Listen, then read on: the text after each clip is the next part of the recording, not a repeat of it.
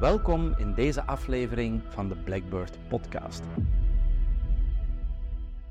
Ik ben Andy Komans en in deze podcast ga ik telkens in gesprek met een ondernemer die verder kijkt dan het puur operationeel besturen van een KMO. Die met andere woorden de inzichten van het investeerder-ondernemerschap weet toe te passen om zichzelf, maar ook zijn onderneming vooruit te helpen. En deze keer ga ik dat doen met niemand minder dan Jochen Callens. Goedemorgen Jochen, welkom in onze studio. Dankjewel.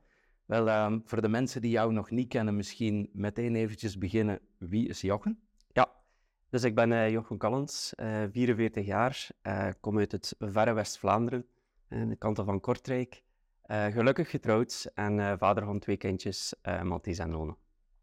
Ik kreeg een, een, tijdje geleden van u, Jochen, een, een berichtje via mijn LinkedIn van uh, Andy, ik heb uh, een jaar geleden uw boek Sell Your Baby gelezen en ja. nu, één jaar later, is het gebeurd. Ik heb uh, JobTools, jouw bedrijf, verkocht. Ja, klopt. Um, maar als ik het goed heb, Jochen, JobTools was niet uw eerste bedrijf, hè? Nee, klopt. Waar is, waar is het ondernemerschap ooit voor u gestart? Goh, ik denk dat het, het ondernemerschap eigenlijk al vrij vroeg gestart is. Ik kom niet uit een ondernemersnest. Hè. Mijn ouders waren beiden bedienden.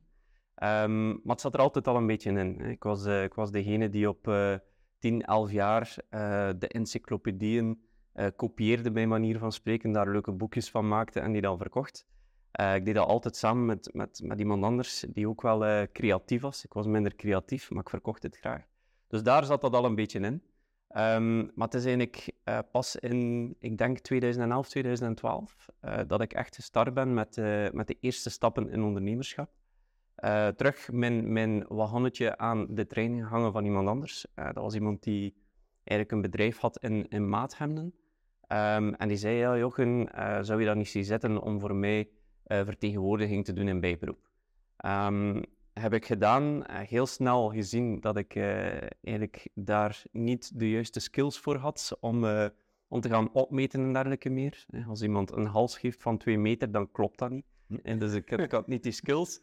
Maar ik heb daar wel een, een soort van ja, piramide aangehangen, waar ik met verschillende mensen die onder mij dan begonnen opmetingen te doen, um, heb ik dat bedrijf eigenlijk groter gemaakt. Oké. Okay. Dus dat was mijn eerste ervaring.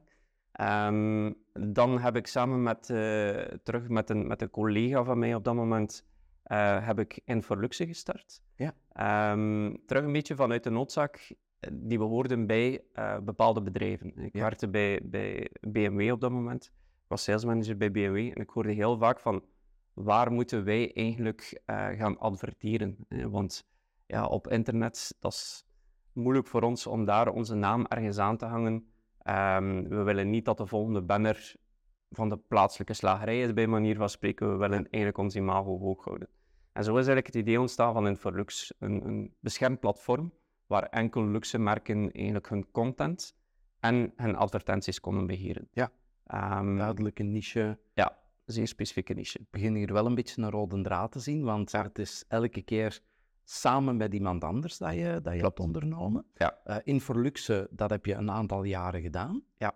En, en dan is dat verhaal toch ook weer op een einde gekomen? Of? Ja, omdat dat... Dat was heel leuk en dat was vooral een hele leuke periode. Um, dat was niet, de, dat was niet het, het businessmodel um, waar je veel geld kon mee verdienen. Uh, maar het was wel een heel leuke periode en een heel leerzame periode. Het was ook niet mijn passie. Mm -hmm. uh, alles wat contentcreatie is, is niet zozeer mijn passie. Um, ik had wel een, een vernoot die daardoor gepassioneerd was, uh, Marnik Dore, die hier ja. ook aanwezig geweest is. Um, hij was daardoor gepassioneerd, dus hij heeft het verhaal ook verder gezet. Ja. Um, en dan heb ik afscheid genomen van het, uh, van het bedrijf. en, en zo eigenlijk de eerste stappen gezet in, in JobTools, toen nog JobSalon. Ja, en, en van waar is dat idee dan eigenlijk gekomen? Ja, eigenlijk is dat een grappig verhaal. Ik was aan het bouwen, uh, een huis aan het bouwen, en dat was een, een vriend van mij had een bouwbedrijf. Um, en die had het verhaal gezien van Inforlux en die zei tegen mij, Jochen, ik heb eigenlijk in de jaren 90 heel veel domeinnamen gekocht. Mm Die had 200, 300 domeinnamen gekocht. Die deed daar niets mee, behalve jaarlijks eigenlijk uh, zijn, zijn geld betalen om de domeinnamen te kunnen behouden. Uh, maar dat waren bijna allemaal jobgerelateerde namen. Uh, jobsalon, bijberoep.be, dergelijke domeinnamen. Ehm, en toen zijn we beginnen brainstormen en hebben we gezegd van oké, mochten we nu even een platform maken waar we vacatureruimte aanbieden aan 1 euro per dag. Mhm. En eens kijken wat het geeft. En zo is eigenlijk het, het idee ontstaan van jobsalon.be. Ja. Dus, ehm, dat hebben we in de markt gezet. Eh, we hebben daar een, een platform rond gebouwd. Heel laagdrempelig allemaal. Ehm, en dan zagen we heel wat tractie van KMO's. Eh, eh, dan zagen we van, oei, er worden bijvoorbeeld 100 credits aangekocht. Dat was dan voor 100 dagen een vacature op te zetten. En we zagen meer en meer tractie daarop. Eh, we zagen ook wel dat die niet vaak terugkeerden. Dat Mhm. was ook een, een vaststelling. En toen hebben we gezegd van, laat ons eens gaan babbelen met degenen die eh, die credits hebben aangekocht en een keer luisteren wat ze echt nodig hebben. Ja. En toen zijn we eigenlijk van Jobsalon veranderd naar Jobtools. Nu, je hebt Jobsalon ook niet opgestart enkel en alleen. Eh, ook Ja. daar was weer een vennoot bij betrokken. Ik heb u al horen zeggen, want je hebt zelf een salesachtergrond. Ja. In het vorige platform waar je dan met Marnik werkte, was dat, oké, er zit iemand bij die complementair is qua, se- qua skillset. Was dat ook zo binnen JobTools? En Ja. misschien direct een bijkomende vraag, ja, als je dan, hè, want je hebt ondertussen al een paar keer met vennoten gewerkt, waar let je dan specifiek op en hoe gaat het te werk om die vennoot te kiezen? Ja, eigenlijk de, de, voorbije, eh, de voorbije zaken, zoals bijvoorbeeld Infolux, was dat eerder een, een toeval. En ik, ik werkte samen met een collega die wou ook ondernemen. En laat ons samen iets doen. Ik was daar eigenlijk niet zo goed over nagedacht. Het was meer iets die spontaan gebeurde. Mhm. Eh, ook bij Jobsalon was dat verhaal. Ehm, de, de, de vriend die, die de bouwfirma had, ehm, die, die toevallig ook Dieter noemt, ehm, die had op dat moment de domeinnamen. Oké, laat ons samen een keer gaan brainstormen, wat kunnen we ermee doen. Eh, het is pas toen, toen dat het verhaal Jobtools begon, ehm want belangrijk, eh, de, Dieter met, met het bouwbedrijf, ehm, op een bepaald moment is zijn pa overleden. Mhm. Ehm, moest hij het bouwbedrijf zelf verder gaan zetten, moest daar alle focus op doen en is eigenlijk stilletjes aan uit Ja. Jobsalon gestart. Dus toen stond ik er wel alleen voor. Ja. En op een eh, VOCA-evenement Mhm. zat Dieter Dons, mijn huidige eh vennoot, zat in het publiek ehm, en die hoorde, die hoorde eigenlijk het verhaal die ik deed rond, rond JobTools. Ik, was, ik was aan het vertellen wat we deden. Die was daar onmiddellijk door gebeten. Ehm, En je dacht, ik ga dat makkelijk houden van de ene Dieter naar de andere, dan, dan is dat ook niet te verwarren voor de klanten of zo. Nee, zo gemakkelijk is het eigenlijk, allee, zo gemakkelijk is het eigenlijk niet gegaan, omdat hij kwam naar mij. Ik kende Dieter vaak van vroeger. Eh, ik wist dat dat een hele goede verkoper was ook. Ja. Eh, ik zelf ben ook een verkoper. Ehm, en ze zeggen altijd, als je een co-founder hebt, zoek je best, en zeker met een technologiebedrijf, zoek je het best een salesprofiel en een technisch profiel. Maar dat was niet zo. Mhm. Ehm, nu, hij wist me toch te overtuigen om, ehm, om te kunnen starten eh, bij JobTools, om zich in te kopen. En achteraf gezien is dat een van de beste beslissingen die ik, die ik gemaakt heb, ehm, om het samen met hem te doen. Ja. Ook al waren we, ook al hadden we vrij dezelfde skills, Ja. Ehm, het feit dat wij beide sales waren en dat onmiddellijk konden vermarkten, Ja. is, heeft er eigenlijk voor gezorgd dat JobTools eh, groter geworden is. Ja. Maar hoe, hoe bewaakt je die afspraken dan? Want dat is iets wat ik zelf ook heel vaak zeg eh, in het topic samenwerken met vernoten. Hè. De standaard is daar inderdaad, zoek iemand die complementair is, zodat jij beter kunt focussen op wat je graag doet. Ja. Baken vooral die mandaten zeer duidelijk af dat één iemand op elk aspect in het bedrijf de eindverantwoordelijkheid heeft. Ja. Want anders, ja, als je met twee die eindverantwoordelijkheid claimt en er ontstaat een visieverschil, gaat dat ook onmiddellijk voor een probleem zorgen. Ja. Maar jullie hebben dan toch een manier gevonden om, om daar overheen te geraken. Want Ja, absoluut. Ik denk dat wij vooral elkaar enorm motiveren en versterken. En eigenlijk zelfs een gezonde competitiedrang hadden in het begin. Ja. Ehm, eigenlijk moet je het zo zien. Het verhaal JobTools, ehm wij hebben dat volledig zelf uitgetekend. hè. Wij Ja. hebben de eerste weken, maanden, eh, wij, hadden, wij hadden een kantoor met, met een grote glazen ruit die uitkeek op een parking. En wij waren bekend als de Post-it Boys. Waarom? Hand onze muur, die hong vol met postitjes. ja. Eh, waar dat we eigenlijk jobtools hebben uitgetekend. Dat was onze eerste stap. We hebben heel lange avonden, vol pizza, eh, hebben we daar eigenlijk samengezeten om, om het concept te maken. Eh, dat was ook heel leuk om dat te doen. We hebben dat toen uitbesteed, dat laten maken, maar dan begint het en dan moet je het vermarkten. Ehm, en wat dat wij vooral heel goed deden, was elkaar motiveren. Ik wil daar even op inpikken, want het is inderdaad heel vaak dat ik ook vaststel, heel vaak in de techsector heb je net het tegenovergestelde. Ja. Je hebt heel vaak twee heel goede technische profielen met een fantastisch idee, die, dat, die een tool volledig kunnen bouwen, maar meestal commercieel, ja, bij wijze van spreken, er zit 0,0 commerce in de twee mensen gecombineerd. En men denkt dan, als we dit live zetten, dan zullen de mensen wel komen, dan zullen de accounts wel komen, dan zal het wel automatisch gebeuren, want kijk eens, we hebben het gat in de markt gevonden. En, en in 99 van de 100 gevallen ja, komen de mensen en de accounts niet vanzelf. Nee, nee, klopt.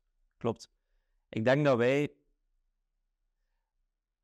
Ik herinner mij een reis die we, die we deden met Foca naar, ehm, eh, naar Berlijn. En daar waren heel veel technische mensen mee.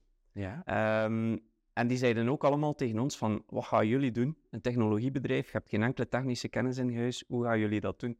Wij zijn gestart vanuit een zekere naïviteit, dat we dachten van, oké, we laten dat één keer bouwen en dan verkopen we dat en dat gaat wel werken. Ja. Dus zo zijn we gestart. Uh, moesten we het allemaal geweten hebben achteraf, dan gingen we waarschijnlijk nooit gestart zijn. Nee.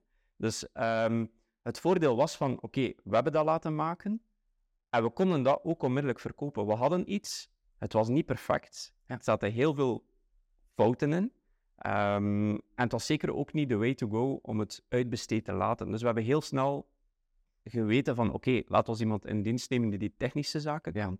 Uh, maar ik blijf erbij dat het succes van JobTools, um, dat dat het feit is dat we dat konden vermarkten met twee. Ja. En dat we heel snel um, JobTools aan de man konden brengen. En, Want daar zegt het, hè? Ja. Snel, hè? Ja. Het, het, het moet vaak, zeker in de techsector, maar in vele sectoren, ook, ook niet-tech, moet het vaak op zo'n korte tijd vandaag zo'n snelheid Ja. gaan maken, dat, dat dat commerciële verhaal onmiddellijk goed moet zetten, Ja. want daar heb je heel weinig ruimte. Dat die een tool op sommige punten misschien nog in het begin met haken en ogen in elkaar hangt. Hè. In, in de wereld noemen ze dat dan de minimal viable product, hè, om Ja. dat dan mooi te benoemen. Uh, het werkt net goed genoeg om, om er euro's voor te krijgen. Dat krijg je nog wel gefixt achteraf. Ja. Maar het is dat commerciële aspect, en dat wordt heel vaak onderschat. Hè. Dat is ook een reden dat ik trouwens um, heel vaak tegen ondernemers zeg van dat ik het fout vind dat in vele gevallen als je jonge ondernemers ziet starten met een bedrijfje, wie maakt dan het financiële businessplan op? Dat is de boekhouder. Ja. Ik vind dat zo verkeerd, want het, is die kennis die je als ondernemer toch zelf moet hebben, zodat je ook zelf weet van ik heb hier een prognose gemaakt. Ik vond dat heel leuk ook dat je daar direct zei van we zijn eraan begonnen en moesten we toen weten wat dat we achteraf geleerd Ja. hebben, hadden we het nooit gedaan, want gelijk de, in de meeste gevallen, dat businessplan dat je opstelt op dag één, na drie maanden klopt daar geen Nee. niet meer van. Klopt. Dus dan moet je daar toch aan beginnen sleutelen. Als je dan zelf die puzzel niet hebt gelegd, kun je ook niet schakelen. hè. Nee. Nee. Hoe, hoe zijn jullie daarmee omgesprongen met dat financiële aspect? Ja, het financiële aspect. ehm, wij, wij hadden ook een soort van businessplan gemaakt. Eh, heel snel gezien inderdaad dat dat totaal niet klopte. Ehm, uiteindelijk, wat dat voor ons een, een heel grote impact was, was het, het uitbesteden van het, van het project. Ehm, waarom? Omdat je kost om het te laten bouwen zit volledig in het begin. Ja. en daar hadden wij zoiets van, oké, we gaan hier onmiddellijk geld in investeren, dus dat moet werken. Voor ons was dat een no-brainer dat het niet zou werken. Ehm, wij hebben heel snel gezegd van, oké, het moment dat het afgewerkt is en we kunnen de baan op, dan gaan we heel snel de baan op, gaan we heel snel beginnen verkopen en gaan we vooral leren van onze klanten. Ja. En dat is iets wat we continu gedaan hebben. We zijn zeer eerlijk geweest, ook in het begin, tegen onze klanten. Dus als die zeiden tegen ons van, ja, dat werkt niet, ehm, dan gingen wij naar hen toe, vroegen we van, oké, ehm, wat is eigenlijk het probleem? Hoe zien jullie dat? Hoe kunnen we dat verbeteren? En dat hebben we eigenlijk telkens afgetoetst met klanten om zo het product te gaan verbeteren. Ja. Nu, wat het financiële aspect betreft, ik denk dat dat ook bij ons eh, ja, gewoon en cours de route dat we daar zijn leren mee omgaan. Uiteindelijk, zoals dat ik ook zei in het begin, we zijn gestart vanuit een zekere naïviteit. En we hebben eigenlijk altijd de dingen aangepakt, ehm, zeker de eerste jaren, volgens buikgevoel, volgens intuïtie. En, en ja, we, we hebben niet zoveel rekening gehouden met, met waar gaan we staan binnen een jaar. We kijken echt zijn jullie echt gestart ook met puur enkel eigen kapitaal? Of zijn ook meteen kapitaal gaan ophalen? Nee, we zijn eigenlijk gestart uh, met eigen kapitaal, maar we zaten in een bedrijvencentrum. Um, en de eigenaar van het bedrijvencentrum, uh, die zag ons altijd zeer laat s'avonds zitten. Hm. En op een bepaald moment kwam die bij ons en die zei, oh, wat, wat doen jullie eigenlijk? En we legden kort uit en die zei van, ja, ik wil daar wel in meestappen. Als jullie een bepaald klein kapitaal nodig hebben, wil ik, wil ik als business angel daar wel mee in investeren. Uh, en die heeft toen eigenlijk een, een, een bedrag ingelegd, uh, heeft ook daarvoor een bepaald percentage van de aandelen gehad, wat hij hem absoluut, waar hij absoluut content mee is nu. Al wel. um, maar goed, op dat moment was dat voor hem ook eigenlijk gewoon op een bierkaartje, bij manier van spreken, ja. heeft hij daar toch een aanzienlijk bedrag ingestoken. Um, dus dat is ook wel risicokapitaal en dat is ook leuk dat hij ervoor beloond wordt. Ja, want dat is ook wel iets vaak dat niet enkel in tech trouwens, maar in tech zit je inderdaad heel vaak met het, ja, met het aspect dat die, die, die pre-revenue investering redelijk hoog is. Ja. Omdat natuurlijk uw tool moet volledig gebouwd zijn vooraleer dat je er de, de markt mee op kunt. En dan pas gaat detecteren van, ja, het werkt dus echt. Ja, hey, maar dat heb je in veel sectoren. Hè. Wij hebben dat ook gehad in de opleidingswereld uh, toen wij met Blackbird startten ik ga eerlijk zijn, de, de luidste stemmen die vooraleer dat wij lanceerden en we speelden met dat idee en, en we praten daarover tegen een aantal kennissen en contacten, uh, de luidste stemmen die toen zeiden van Andy, je moet daar echt, ja, jullie moeten daar echt mee starten, zijn de mensen die ik achteraf niet in mijn zaal heb zien zitten. Ja. Dus, dus, dus ik vind dat vaak een hele gevaarlijke om daar te gaan leiden op feedback, hè, want men zou heel snel zeggen van, oh ja, daar gaat een gigantisch gat in de markt voor zijn.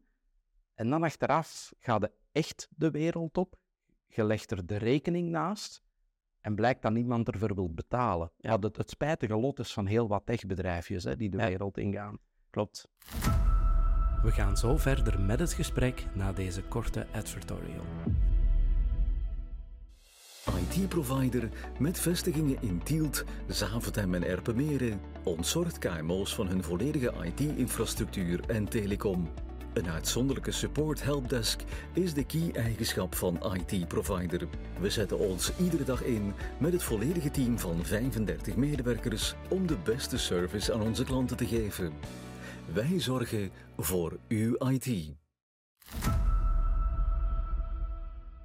Ik denk dat, dat daar heel belangrijk is om, om te pivoteren. Ja. Hebben wij heel veel gedaan. Die leercurve verkorten, ja. maar ook denk ik uh, snel genoeg die revenue kant opzoeken. Ja. Hè, want, want dat zie je, dat vind ik vaak het spijtige aan heel vaak techbedrijven die, die of ik wil het opentrekken, hè, zodat we niet enkel hè, mensen die nu luisteren denken van ah, het gaat puur over techbedrijven. Ja. Nee, het, het gaat eigenlijk over heel veel sectoren die een langere lead time hebben voordat je de markt op kunt. Um, je ziet heel vaak dat als dat iemand is met de technische achtergrond op passie en met een bepaalde angst voor sales, want dat is automatisch een gevolg, daar is een bepaalde drempelvrees, koudwatervrees. Die mensen die blijven zo lang mogelijk vaak in die ontwikkelingsfase. Ja, klopt. Wat maakt dat die cash burn die ze hebben om revenue waardig te zijn, gewoon enorm groot wordt maar die mensen eigenlijk soms al twee, drie jaar bezig zijn en nog altijd niet weten of dat hun product wel echt een markt gaat hebben en zijn potentieel gaat realiseren. Ja. Ik vind dat geen gezonde situatie. Nee, dat is wat, wat Dieter en ik eigenlijk uh, gedaan hebben, is eigenlijk echt gezegd van, um, dit is hoe we het zien, maar dit is wat we willen. En hetgeen dat we wilden, die um, gemaakt werd, was echt minimum. Het was, ja. het was, ja, het was echt zo basic. Um, ja. Maar dat heeft er ook voor gezorgd dat de klanten konden meebouwen aan wat ze echt wouden. Ja. Maar we zijn heel eerlijk geweest naar onze klanten ook. We hebben dat ook gezegd in het begin. We hebben nooit, dat is, dat is ook misschien wel een belangrijk, we hebben nooit korting gegeven op licenties. Maar we hebben wel altijd heel eerlijk geweest en gezegd van kijk, daar gaan we naartoe. Wat denk je daarvan? Um, hoe zie jij het? En we vroegen dat aan iedereen, aan al onze klanten en ook aan niet-klanten. Uh, mocht dit bestaan, wat zou je daarvan denken? En eigenlijk wisten we al, voordat het product gebouwd was, dat we het wel gingen verkopen. De belangrijkste vraag met elk product als je pas de baan op gaat, hè? we hebben dat ook gedaan in het begin, elke keer als het niet verkocht werd, de vraag durven stellen waarom niet. Ja. Want daar leerde het meeste naar. Absoluut. Uh, Absoluut. Wat, wat, misschien mij toch ook nog wel interesseert om eens even te vragen, je hoeft er geen concrete bedragen bij te noemen, maar je hebt mij daarnet ook al benoemd van, we dachten we laten dat één keer bouwen, dan gaan we de markt op. Dat blijkt dan inderdaad niet zo te zijn. En mhm. er is die leercurve die op gang komt. Er zijn achteraf ineens nog investeringen. Dat blijkt dan plots een product te zijn waar je permanent ja. op moet gaan bouwen. Als je nu gewoon je inschatting neemt van in het begin mhm. en je bekijkt dan tot op het moment dat het bedrijf zijn break-even punt voorbij was, hoeveel procent van de totale cashburn of, of geld dat je echt hebt moeten investeren vooraleer dat het bedrijf rendabel was, was dan dat initiële, we dachten dat we er vanaf waren met dat initiële bouwen en hoeveel procent is er dan achteraf nog bijgekomen? Heb je daar een idee van? Dat is heel moeilijk te zeggen, ehm, maar wat ik wel weet is dat het een, een continu proces is. Ja. Uiteindelijk was bij ons de insteek van oké, we laten dat bouwen, um, we betalen daar uh, x aantal tienduizenden euro's voor. Een keer dat het gebouwd is, oké, we, kunnen, uh, we kunnen van start. Um, we hebben heel snel gezien, dat is niet het geval. En we hebben ook heel snel gezien, we gaan continu moeten ontwikkelen. Tot op vandaag, ja, ik denk dat er nu een, vijftal uh, developers zitten die ja. continu aan het ontwikkelen zijn. Dus dat, dat, is wat niet Dat zie je vaak, dat dat onderschat wordt. Hè? Absoluut. Um, dat, men, dat men denkt, ja, we, we gaan naar dat minimum beschikbare product en nadien gaan we geld verdienen. Ja. Dan blijkt dat dat budget dat ze initieel in gedachten hadden al maal twee had moeten gaan om gewoon puur die ontwikkeling te bekostigen. Dan onderschat men ook compleet het, uh, het, het, het, het, het, commerciële model en het vermarkten van dat product dat er ja. bij komt. En dan zitten ze al snel op een viervoud van dat budget. Met als gevolg dat de meeste doodgeboren kindjes die ik vaststel, is iemand met een fantastisch idee die dan zegt, ik steek daar 20.000 euro van mijn spaarcenten in. Ja. En totaal niet beseft dat hij eigenlijk 300.000 euro wat nodig had om te kunnen vertrekken en om dat, om dat kind gewoon levensvatbaar te krijgen. Ja, maar ik denk wel dat wij zorgen wel continu voor revenue. Ja. Uh, iedere maand. Uh, en, en zoals gezegd, we waren daar zeer competitief in ingesteld. Ik herinner mij een anekdote dat we, wij hangden eigenlijk alle logos van de verkochte klanten uh, boven de ruit. Hè, dat, we, dat we die eigenlijk continu zagen. En op een bepaald moment begonnen we die te tellen van hoeveel heb ik er verkocht, hoeveel heb jij er verkocht, om elkaar te motiveren. Maar voor ons was dat wel heel duidelijk van onze revenue moet de ontwikkeling kunnen betalen. Ja. En dat, dat hebben we wel van, van in het begin, vanaf de eerste maand dat we konden verkopen, was dat wel ons opzet. Dat is uw echte proof of concept, ja. hè? Ja, absoluut. Ja. Daar zijn jullie ook in geslaagd, want ik, ik heb dan uh, even tijdens het maken van mijn huiswerk gezien, na vijf, zes jaar, zaten jullie met, ik denk iets van een 3000 klanten in vijf landen. Dus mm -hmm. JobTools is gegroeid. Mm -hmm. En dan plotseling beslis je toch om het kind te verkopen ja. uh, aan ISH Holdings. Ja, heb ik juist? Ja. Uh, hoeveel jaar na de oprichting hebben jullie die beslissing genomen? Uh, zes jaar. Zes jaar. Ja. Wat is bij jullie de belangrijkste motivatie geweest om, om dit te doen? Ik, denk, ik denk dat er verschillende redenen waren. Um, een eerste reden um, was, JobTools was enorm aan het groeien.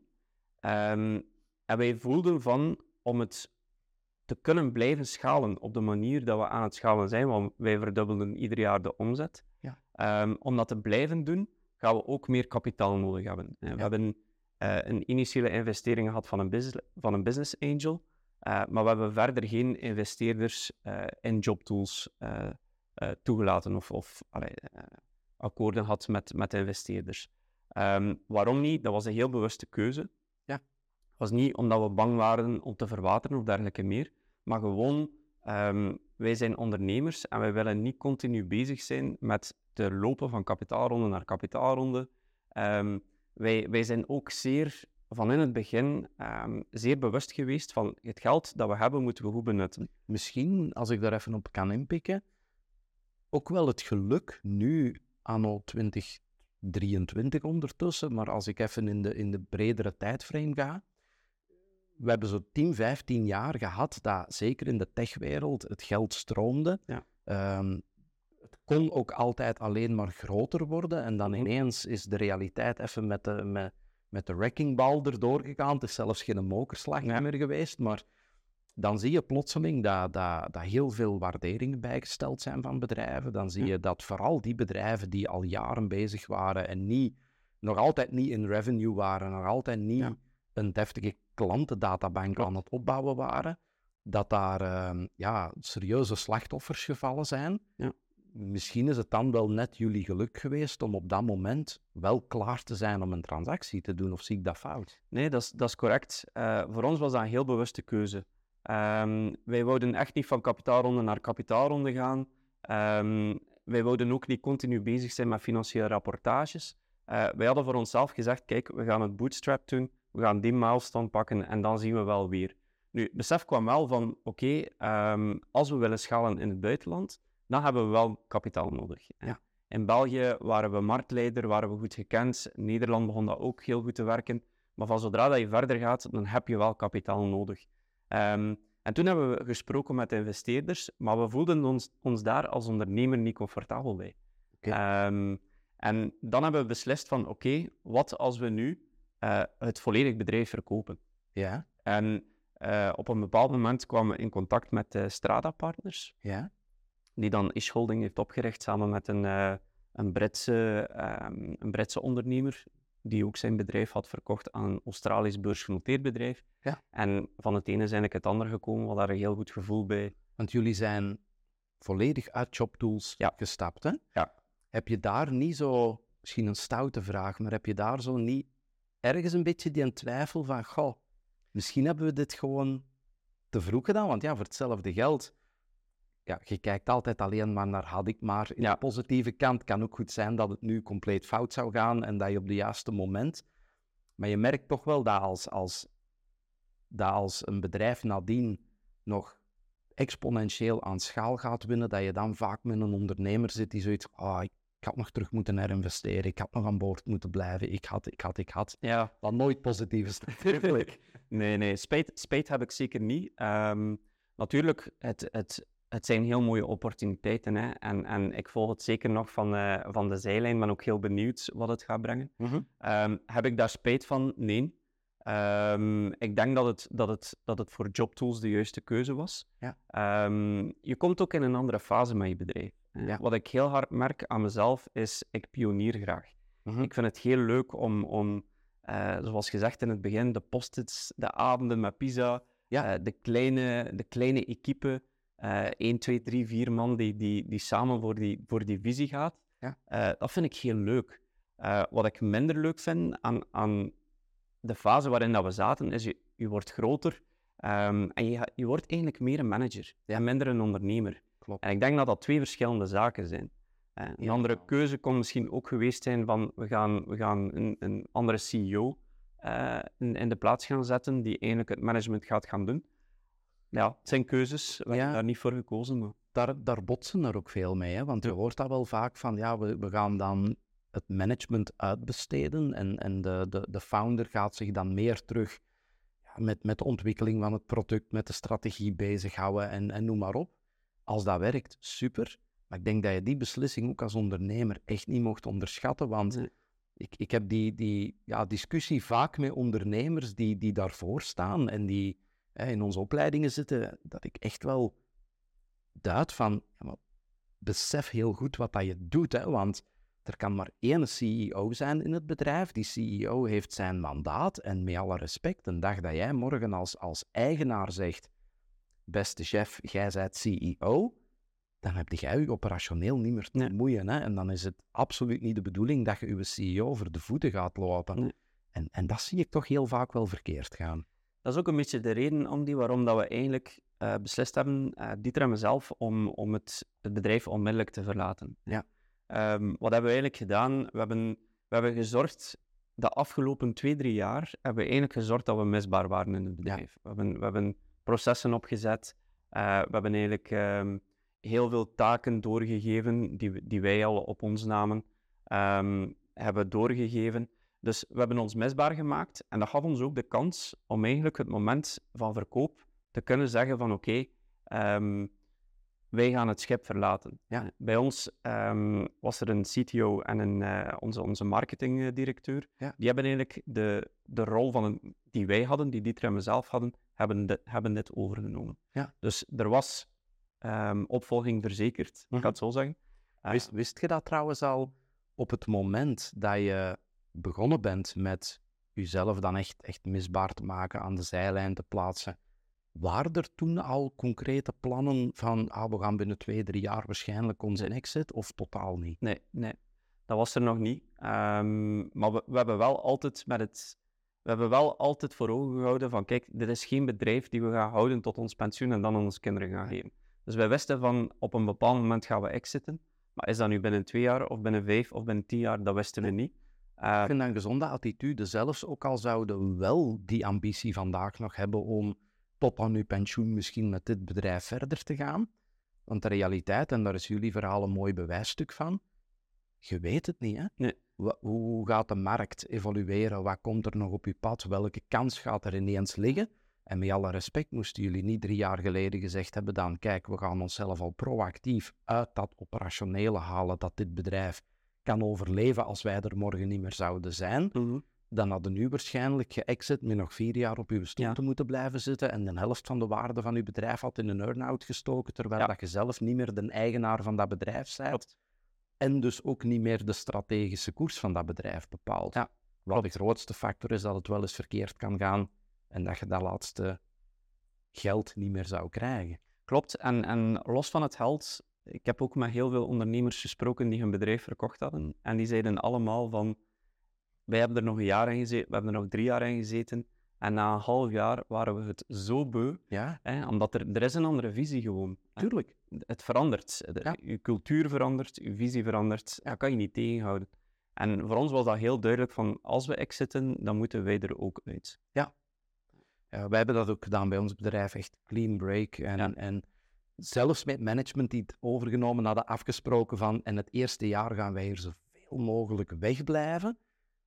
Omdat, omdat wij ook wisten op voorhand van, ja, als wij hier blijven rondlopen, gaan wij altijd het aanspreekpunt Mhm. blijven. Wij gaan al, mensen gaan altijd naar ons blijven kijken en dat is net niet de bedoeling, Nee. dat is niet wat dat je wilt. Nee. Ehm, dat moment is er gekomen. Wat ik, wat ik ook heel, heel waardevol vond om misschien nog eens heel snel even op terug te komen, was toch ook wel dat je zei van, dat jullie van in het begin wel heel fel die, die, die radar hebben aangezet om buiten het bedrijf te kijken van wat zijn de trends, de evoluties, welk kapitaal is er nodig, welke schaal moet ons bedrijf gaan innemen. Ja. En dus, hoe moet dan de onderbouw van dat bedrijf zijn?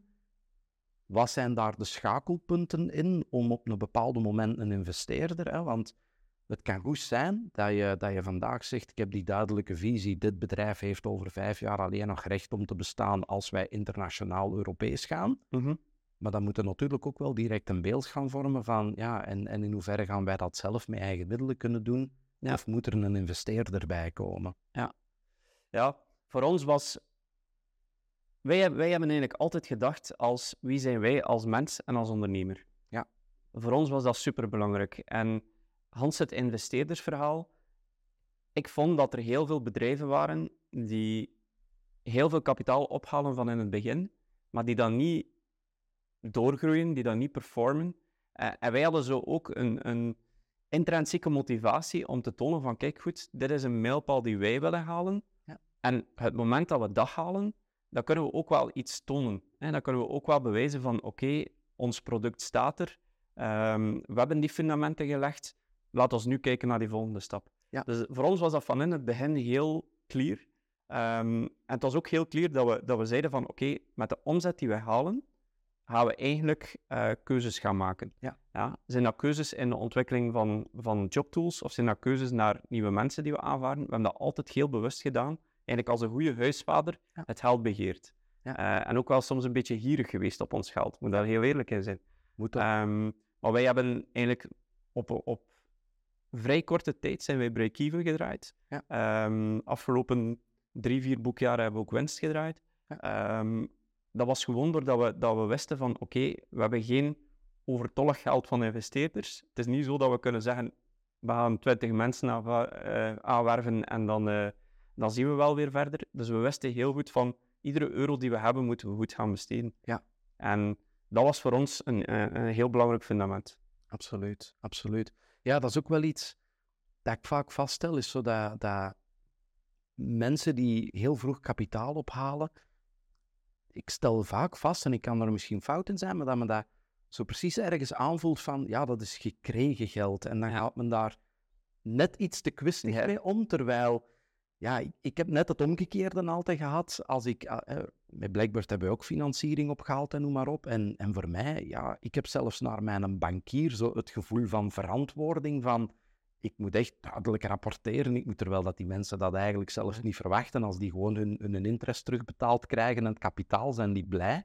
Maar toch, ik, ik behandel iedereen die, die geld doneert aan het bedrijf, gelijk dat dat mijn beste investeerder is. Ja. Wat wel een mindshift is, vind ik, als je met extern kapitaal werkt, is dat je met je eigen spaarcenten misschien net iets te spaarzaam bent en zegt van Eigenlijk zouden we nu 10k in marketing moeten steken, maar we gaan dat niet doen, want hè, dat is ons spaargeld en we zien dat nog te graag op, op, het, op, het, op de bankrekening van de zaak staan. Terwijl als je dan met een financiering werkt, weet je van, ja, dat geld staat hier om een doelstelling te realiseren. En dan, die doelstelling moeten we hebben binnen 12 maanden, dus dat geld moet nu uitgegeven worden. Ja, in maar zekere zin. Ik denk dat dat ook een beetje te maken heeft met, met, met je proces. Wat ik daarmee bedoel is, um, initieel, ik weet nog goed, de eerste maanden, we hadden dan onze eerste medewerker aangeworven. En dan, dan ben je um, op twee dagen van uh, het betalen van het loon. En dan merk je, oei, we hebben eigenlijk geen geld genoeg staan om het loon ja. te betalen. Dan moet je beginnen bellen naar, uh, naar klanten om alsjeblieft een factuur te betalen. Ja. Dat zal een beetje over tijd zijn. Um, dus dan neem je ook mee naar de toekomst toe. Ja. op een bepaald moment zaten wij met 15, 16 mensen. Um, dan voelde ik me wel comfortabeler als we voldoende cashflow hadden om toch een aantal maanden te overbruggen om hen te betalen. Want uiteindelijk is het ook hun inkomen, zij hebben ook een gezin en je zit daar toch verantwoordelijk voor. Ik hou daar altijd minimum drie maanden aan. Dat je, dat je echt moet kunnen overbruggen, dat klopt. je safe zit. Dat je... klopt. klopt. Nu, Jij bent uit het bedrijf gestapt, bedrijf klaargemaakt, ik hoor het u graag vertellen, operationeel niet meer nodig, bedrijf wordt verkocht. En sindsdien uh, zit Jochen in een strandstoel en gaat hij golven, of, of ziet er wat toch iets anders uit? Met andere woorden, wat gaat de toekomst brengen voor u? Ja, ik moet zeggen, uh, het moment, eigenlijk de, de, de afgelopen zes tot acht maanden waren heel intensief. En dan zit je met due diligence. Uh, Er komt iedere dag wel weer iets nieuws op je pad. Uh, ook een heel stressvolle periode. Mm -hmm. En ik moet zeggen dat ik enorm uitkeek en tegen mezelf zei: het moment dat het dan verkocht is, dan ga ik even mentale rust, uh, wat vakantie nemen en, en, werken aan de mentale rust. Um, nu, wat ik gemerkt heb, is het moment dat het verkocht is en je hebt effectief plotseling die zin van tijd, dat ik een heel onrustig gevoel had. Ja dat ik iets had van, oei, en nu? Wat ga ik nu doen? Um, en het is net of dat je precies op alles al een antwoord wil. Ja. Um, en daar had ik, heb ik op een bepaald moment gezegd tegen mezelf, wow, uh, rustig aan, ik hoef niet van vandaag op morgen een antwoord te hebben op nee. wat ga ik nu doen. Um, ik denk dat dat een heel belangrijke was om, om tot dat besef te komen. Want uh, op een bepaald moment, ik had, ik had vier, vijf ideeën, ik had, allee, om, om één idee te geven, uh, ik had um, een interview gezien met, met uh, Jason Derulo in Amerika. Die, die zei, ik heb uh, vier of vijftien businesses en mijn beste business, dat is car washes. Mm. die had daar een heel leuk zakenmodel rond gemaakt. ik ben dat zelf beginnen onderzoeken, eigenlijk op het maniacale af. Um, ik had afspraken gemaakt met car washes. Ik ging ook car washes beginnen overnemen. Maar op een bepaald moment zeg je toch van, wow, we gaan toch even een beetje een beetje trager gaan en, en, en wat beter gaan nadenken van wat wil ik nu echt. Ja. Um, nu, op vandaag ben ik vooral bezig met, met uh, investeren um, in, in nieuwe start-ups. Uh, ik zit in een aantal raden van advies. Um, ik onderhoud ook het netwerk. Ik heb een aantal ideeën dat ik, dat ik lichtjes aan aan het uitwerken ben. Ja. maar ik geef mezelf ook wel de tijd ervoor. Absoluut. Ik denk dat dat belangrijk ja. is. Best goed je huiswerk maken. Absoluut. En dan volgende succes opbouwen. Hopelijk. Jochen, ik wil u heel hard bedanken om, om dit gesprek met ons te hebben en uh, in de podcast te gast te zijn. Uh, ik ga nog heel even afscheid nemen van kijker en luisteraar. Kom ik zo meteen even bij jou terug. Super, dank u wel. Dus uh, beste kijkers, beste luisteraars, dat was het. Spijtig genoeg alweer voor deze aflevering van de Blackbird podcast. Als je meer van deze verhalen wil ontdekken, wel, volg mij dan zeker op mijn social media. En wie weet komen we elkaar wel eens tegen bij een van onze volgende live events of opleidingstrajecten.